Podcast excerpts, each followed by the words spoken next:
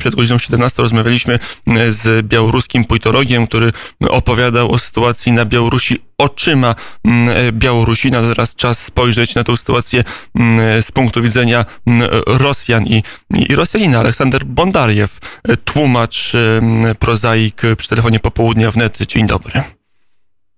Dzień dobry. No dobrze, to spróbujmy wprowadzić porządek pojęć w świecie, który nas otacza. Co dla Rosjan, co dla Pana osobiście także oznacza termin protestów na Białorusi albo białoruskiej rewolucji? E, proszę Pana, to znaczy, jeżeli e, trzeba mówić najpierw o terminach, to akurat z protestem będzie wszystko dosyć łatwo. Protest na Białorusi jest protestem przeciwko e, sfalsyfikowanym wyborom przez e, pana Łukaszenkę, który jest dyktatorem Białorusi. Kropka. Definicja E, prosta. Natomiast, słucham, Definicja jest prosta i jasna. ta definicja jest prosta i jasna. E, Pan ma inną, bo ja mam. E, Nie, ja nie mam innej. Ja przyjmuję e, Pana definicję za swoją własną i już jest to definicja dwuosobowa. Porządku. To znaczy jest e, natomiast potrzeba definicji e, demokracji, o którą przez cały czas e, chodzi na Zachodzie, w prasie zachodniej, w Rosji, w Białorusi. I tu jest problem, ponieważ to pojęcie w różny sposób ludzie rozumieją. E, często się pyta, e, czy Białoruś chce demokratyzacji. E, Demokracja teoretycznie jest po prostu instrumentem e, przekazywania władzy przez e, ludność e, wybranym jej przedstawicielem. To jest po prostu wolne, niesfalsyfikowane, powszechne wybory. Koniec, kropka. Natomiast co następuje potem, to już jest inna sprawa, ponieważ po pierwsze te rezultaty, wyniki tych wyborów powinny być uznane przez stronę, która przegrała.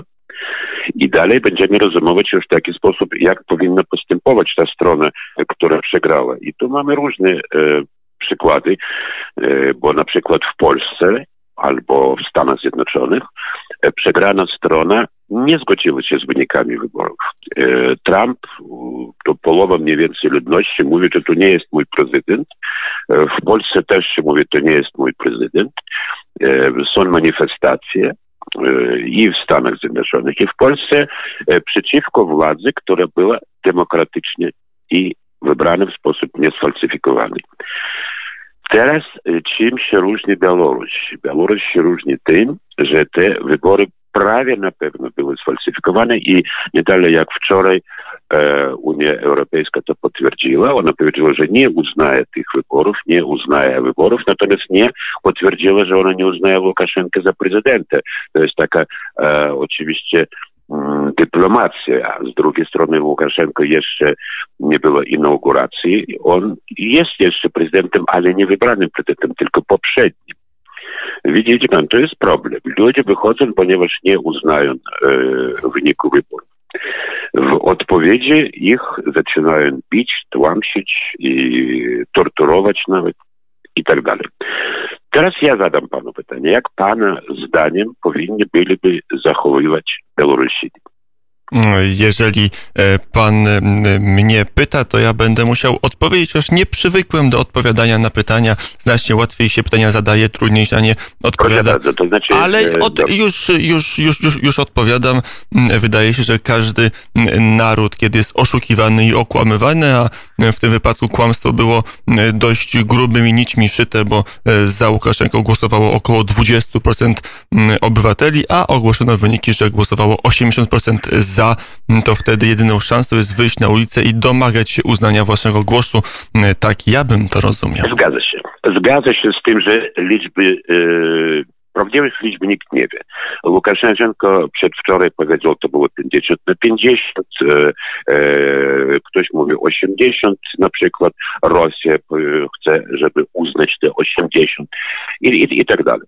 Natomiast e, oso- mm, absolutna osobliwość protestów Białorusi, na Białorusi, to są protesty absolutnie pokojowe.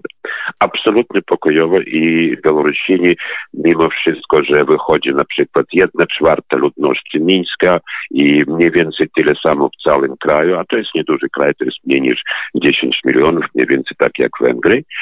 I gigantyczna ilość jest przeciwko. A natomiast Białorusini nikogo nie biją, nie biją wystaw, nie palą samochodów, jak to często bywa. Nawet więcej, przechodzą ulicę gigantycznym tłumem, wyłącznie na zielone światło i na przykład jeżeli muszą wstać na jakąś ławkę, to zdejmują obuwie. To jest absolutnie ewenement światowy. Tak już myślę, że Gandhi przewraca się w grobie, bo nawet za Gandiego takiego nie było. Pytanie jest... jest takie, czy, czy tymi metodami da się osiągnąć jakiś cel?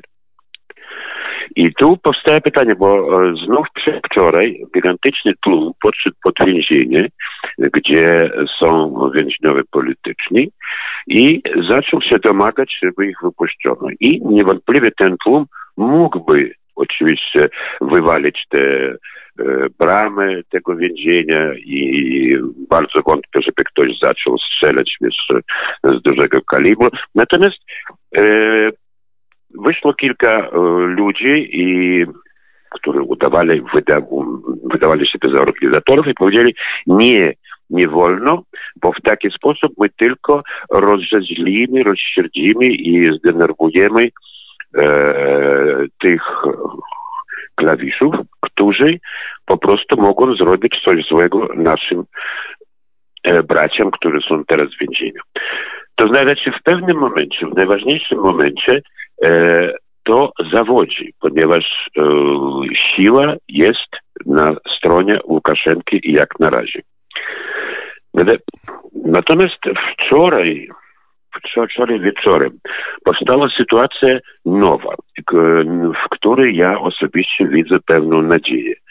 Mianowicie cały obwód razem z miastem po białorusku Grodno, po polskie Grudno, bo to jest polskie miasto w sumie, kiedyś nawet było stolicą Wielkiego Księstwa Litewskiego, to tam władze y, przyjęli przedstawicieli protestujących i zgodzili się na pewne ich e, wymagania. Powstała ta, to, co oni nazwali Radą e, Zgody e, Społecznej czy społecznej zgody, nie wiem jak to lepiej powiedzieć. W związku z czym, to znaczy wypuszczono wszystkich więźniów, zaczęto sprawy przeciwko tym, którzy ich torturowali. Powiedziano, że wszystkie manifestacje nie są nie tylko dozwolone, a po prostu nie muszą ludzie prosić o zezwolenie. I zebrała się cała rada lokalna, obwodowa i miejska i tak dalej. I powstało takie coś, co jest ewenementem, ponieważ już z obwodem Łukaszenko chyba nic nie może zrobić, ponieważ w tym obwodzie są swoje wojska itd. itd. Znaczy, e, chciałbym mm, Chciałbym tu poprowadzić taki przykład z Rosji, która też e, myślę, że dużo z polskich słuchaczy i czytelników wie, że już od kilku tygodni w tak zwanym kraju chabarowskim na Dalekim Wschodzie też są protesty, protesty przeciwko aresztowaniu tamtejszego gubernatora i ludzie mówią, że to jest nasz gubernator, my byśmy go wybrali i proszę wypuścić. I centrum, to znaczy Moskwa, nie wie, co z tym zrobić. Te manifestacje są kontynuowane, nie są jeszcze w żaden sposób taki krwawy, stłumiony jak na Białorusi i idzie o przeciekanie. Dlaczego ja e, uważam, że to jest takie porównanie dosyć ważne. Okazuje się, że jeżeli istnieją pewne obwody w Rosji czy na Białorusi, jeżeli tych obwodów będzie coraz więcej, to władza po prostu nie będzie miała dostatecznej siły, żeby to wszystko stłumić. I być może tylko e, na tym trzeba o, jakoś upomóc. Na, na przykład, a dlaczego mówię o obwodach w ogóle? Ponieważ e, chciałem przejść na Rosję, żeby e, pokazać, że w Rosji to jest bardzo, bardzo ważna rzecz, bo każdy obwód autonomiczny, czy zwykły, normalny, gigantyczny, on coś tam zarabia. Ma jakiś lokalny budżet, bo w jednym miejscu ropę wydobywają w drugim metale, no i tak dalej. Ale 80% do 80% całego budżetu lokalnego idzie do centrum, idzie do Moskwy. I wcześniej czy później to się skończy, ponieważ cała Rosja nie jest Moskwą. Moskwa i Rosja to są dwie absolutnie różne rzeczy, bo cała Rosja, nienawidzi Rosję, nienawidzi Moskwicze. I kiedyś ludzie zechcą po prostu to swoje sobie pozostawić. Widzi pan, to znaczy sytuacja jakby tam nie jest aż tak rozpalona, natomiast wiele, wiele osób teraz porównują właśnie to, co się dzieje na Białorusi z tym Chabarowskim. Natomiast to, co się porównywać, jeżeli na przykład pan Adam Michnik we wczorajszym, czy przedwczorajszym wywiadzie z panem Sierakowskim mówi, że teraz na Białorusi idzie walka o demokrację, o demokrację w Polsce, o demokrację na Węgrzech, o demokrację w Rosji, to on się grubo myli. Z bardzo prostego powodu, że ta demokracja, o której mówi pan Michnik, to nie jest demokracja ta, o której myślą Białorusini czy Rosjanie. On myśli o pewnym modelu liberalnej demokracji, który jest przyjęty w powiedzmy w większości krajów Unii Europejskiej. W związku z tym, za każdym razem, jeżeli ktoś w Polsce mówi o demokratyzacji na Białorusi, to on powinien bardzo dobrze rozumieć, o co chodzi, bo demokracja nie jest celem sama w sobie. Cel jest, celem jest wolność. Celem jest wolność i ja bardzo przepraszam, ale 40 lat temu, w sierpniu, w 80 roku, pamiętam, mm, byłem w Polsce, jechałem do Gdańska. W 80 roku e, 21 postulat Solidarności. Tam nie było nic o demokracji. W ogóle. Tam były bardzo konkretne wymagania, włącznie z dodanymi na końcu wymaganiami i postulatami o tym, żeby zwolnić politycznych, więźniów politycznych. Natomiast jeżeli ja czytam, że na przykład pan Timothy Snyder mówi, że on ma nadzieję taką, że e, e, Łukaszenko pójdzie drogą Jaruzelskiego. Ja bardzo przepraszam, na Zachodzie to jest punkt widzenia dosyć rozpowszechniony, ale też absurdalny, bo generał Jaruzelski e, w Magdalence przy okrągłym stole i tak dalej chodziło o co? Chodziło o wymianę władzy komunistycznej na własność, własność na uwłaszczenie nomenklatury. I najśmieszniejsze jest to, że Łukaszenko tego zrobić nie, nie może, bo on już nie ma ani władzy, ponieważ ludzie wychodzą i nie uznają go za prezydenta, rozstrzeliwać ich wiesz, tysiącami on nie będzie, a z drugiej strony nie ma własności e, komu rozdawać, bo na Białorusi nie ma takich e, ludzi, z którymi można byłoby rozmawiać, jakiś tam oligarchowie i tak dalej, i tak dalej. To znaczy każdy kraj to jest osobny przypadek i porównywanie i porównania wszystkie są jakby no moim zdaniem niespecjalnie na miejscu. Białoruś jest czymś absolutnie wyjątkowym i w pewnym sensie Białorusini poszli dalej niż Ukraińcy, ale w drugim sensie Ukraińcy nie bali się na Majdanie tych siłowych rozwiązań i zaczęli się bronić. Po prostu bronić. Natomiast Białorusini na razie bronić się nie zechcieli. Mają inną, mają inną taktykę. Zobaczymy, kto wygra. Jeszcze chciałbym, póki mamy chwilę mm, i mam możliwość, żeby z panem rozmawiać na antenie Radia Wnet, Aleksander Bondariew, tłumacz, eseista, mm, dysydent rosyjski, mieszkający Rosjanin, mieszkający na co dzień w Paryżu, a teraz przebywający w ramach upałów sierpniowych na, na południu mm, w Francji. Tam ciut chłodniej pewnie niż w Paryżu. Chciałem zapytać o relację odwrotną, bo dużo się w Polsce mówi, jak Rosja może wpłynąć, a dokładnie jak reżim Putina może wpłynąć na ratowanie lub upadek reżimu Aleksandra Łukaszenki w Białorusi. A chciałem zapytać, jaki może być odwrotny kierunek wpływu, na ile powiedzmy demokratyzacja albo upadek, albo wywalczenie sobie większej wolności przez społeczeństwo białoruskie może wpłynąć na, na Rosję, na społeczeństwo rosyjskie. Rozumiem. E, jeżeli mam jeszcze dwie minuty, to odpowiem. Mam, mam dwie minuty jeszcze? Szefie? Mamy nawet pięć minut. Nawet pięć, w porządku. To znaczy Rosja może mieć wpływ na wydarzenia w Białorusi w bardzo prosty sposób, bo po pierwsze jest rozwiązanie siłowe, ale na razie jakby ono nie wchodzi w rachubę, e, ponieważ Ławrow, minister spraw zagranicznych, powiedział, że to w ogóle nie wchodzi w rachubę i Rosjanie wejdą się pomogą Białorusi tylko jeżeli będzie agresja z zachodu ze strony Polski, o czym zresztą Łukaszenko poważnie mówił, że jest zagrożenie ze strony Polski.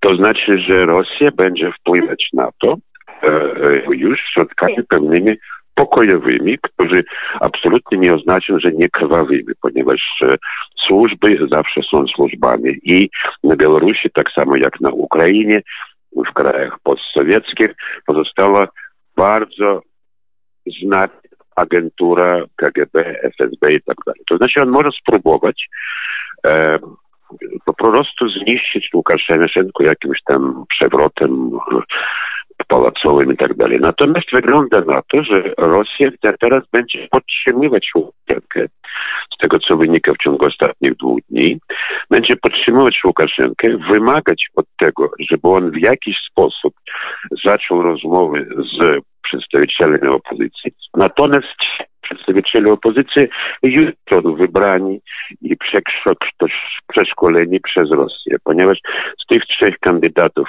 niby opozycyjnych wszyscy mają e, związki z Moskwą, wszyscy mają związki z Moskwą i nastroje prorosyjskie, czego nie było ani w Polsce, ani w Ukrainie. E, to jest, co może zrobić Moskwa i chyba ona tak zrobi, ponieważ jej znacznie bardziej wygodny jest e, słaby prezydent Łukaszenko niż nie wiadomo kto, typu Zeleńskiego, który może być kierowalny, może być niekierowalny, być może emancypowany i tak dalej. Natomiast e, z drugiej strony te wyniki, powiedzmy, walki Białorusinów mogą mieć wpływ na Rosjan, na lud Rosji, oczywiście nie na Kreml, nie na Moskwę. Po prostu ludzie zobaczą, że w pewien sposób można w sposób dostatecznie pokojowy zrzucić faceta, który siedzi przy władzy Łukaszenko do 26 lat, a Putin to 21 będzie siedział do 24, to znaczy mniej więcej to samo. To jest przykład jako przykład to będzie działało. Nie bezpośrednio. Natomiast, jak już powiedziałem, żeby zamknąć to, nigdy nie chodzi o Rosję jako całość. Teoretycznie Rosja jako całość już nie istnieje, chociaż nie wszyscy o tym mówią. Można będzie się dogadywać wyłącznie z kilkoma, e, powiedzmy, politycznymi takimi zjawiskami, które będą zjawiskami terytorialnymi, powiedzmy Ural, Syberia, Dalekie Wschód, południe Rosji i tak dalej, które będą gospodarczo niezależne od e, Moskwy i będą mieli pewien suwerenitет. Ale do tego jeszcze niestety daleko. Chociaż w tym Chabarowskim, w tym Chabarowskim kraju już są pierwsze, pierwsze, pierwsze kroki w tym kierunku. Bo jeżeli nie, centralizowana Rosja zawsze będzie zagrożeniem dla, no powiem jak już za komunizmu mówiono, dla pokoju na całym świecie. To jeszcze dopytałbym się, bo mamy chwilę. Był taki, były lata od w zasadzie od y, wieku XVII, od y, umowy pieresowskiej, kiedy Ukraińcy i Rosjanie czuli y, duże braterstwo, ba nawet były momenty, kiedy mogli się, czy mogło się wydać, że zleją się w jeden naród po roku XIV. Takiej możliwości nie ma. Większość Ukraińców uznaje właśnie reżim Władimira Putina za największe zagrożenie. W tej chwili wydaje się, że na Białorusi cały czas tak jest, że dla przeciętnego Rosjanina Białorusin to nie jest dość wrogi, nie jest dość antagonistyczny, czy, czy tutaj może dojść do zmiany, skoro, skoro Rosjan zdobył, że kolejny kraj sowiecki tak. idzie inną drogą niż obecnie idzie Rosja. Zgadza się, to znaczy, że jeżeli tak będzie było, ale do lutego roku 14 nikt nie mówił o Ukraińcach jako wrogach. Natomiast jak politycznie to było trzeba, to okazało się, że tak, Ukraińcy są nasi bracia z jednej strony, a z drugiej strony reżim faszystowski powstał, w związku z czym trzeba pomóc e, naszym braciom Słowianom i wprowadzić wojska tych e, bez, e, bez, gwiazdek, tam zielone ludziki, no wszyscy to wiedzą. To znaczy, ktoś jest twoim bratem aż do tego momentu, jak nie zaczyna się zachowywać w sposób autonomiczny i niepodległy, jeżeli już cytujemy to, co mówiło się 40 lat temu. Tu z panem się kompletnie zgadzam.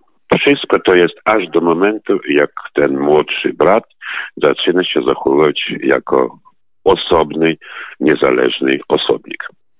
Zobaczymy, jak się skończy sytuacja na Białorusi. Zobaczymy, jak będzie przebiegać sytuacja w Rosji, bo rzeczywiście jest tak, że to jest 21 rok, 22 się rozpocznie władzy Władimira Putina. Kiedyś były takie nadzieje, że być może ta władza się skończy w wyniku pokojowych protestów, chociaż wszystkie takie nadzieje zawsze stały jeżeli, Przepraszam, jeżeli ja widzę, że w Mińsku jeżeli e, ci nawet nie policjanci, tylko specnaz tak zwany, e, chwyta jak, jako, jako człowieka i zaczyna pytać do suki, jak to mówią Polacy, to ludzie go odbijają. W Moskwie tego nie ma. Do tej pory i długo nie będzie, bo ludzie fotografują to wszystko na swoje smartfony. I to jest gigantyczna różnica mentalności. Rosja jeszcze do tego nie dojrzała. E, powiedział Aleksander Bondariew, Rosjanin, tłumacz, e, eseista, mieszkający we Francji. Dziękuję bardzo za rozmowę i do usłyszenia. To ja dziękuję, do widzenia. E, do widzenia, do usłyszenia mu, do widzenia, bo czasami Aleksander Bondariew Polskę także odwiedza, czasami wyrywa się z Francji do Polski, przyjeżdża. Może taka okazja będzie, to się zobaczymy w nowym studiu Radia Wnet na krakowskim przedmieściu.